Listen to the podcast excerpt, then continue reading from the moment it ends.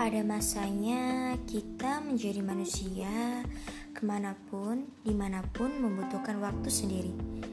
Me time lari dari hidup dunia, merenung tentang persoalan dunia yang tiada habisnya. Kadangkalanya kita menjadi manusia seperti itu, takut dengan semua persoalan di dunia hingga lupa bahwa akhirat adalah tempat abadi untuk ditinggali.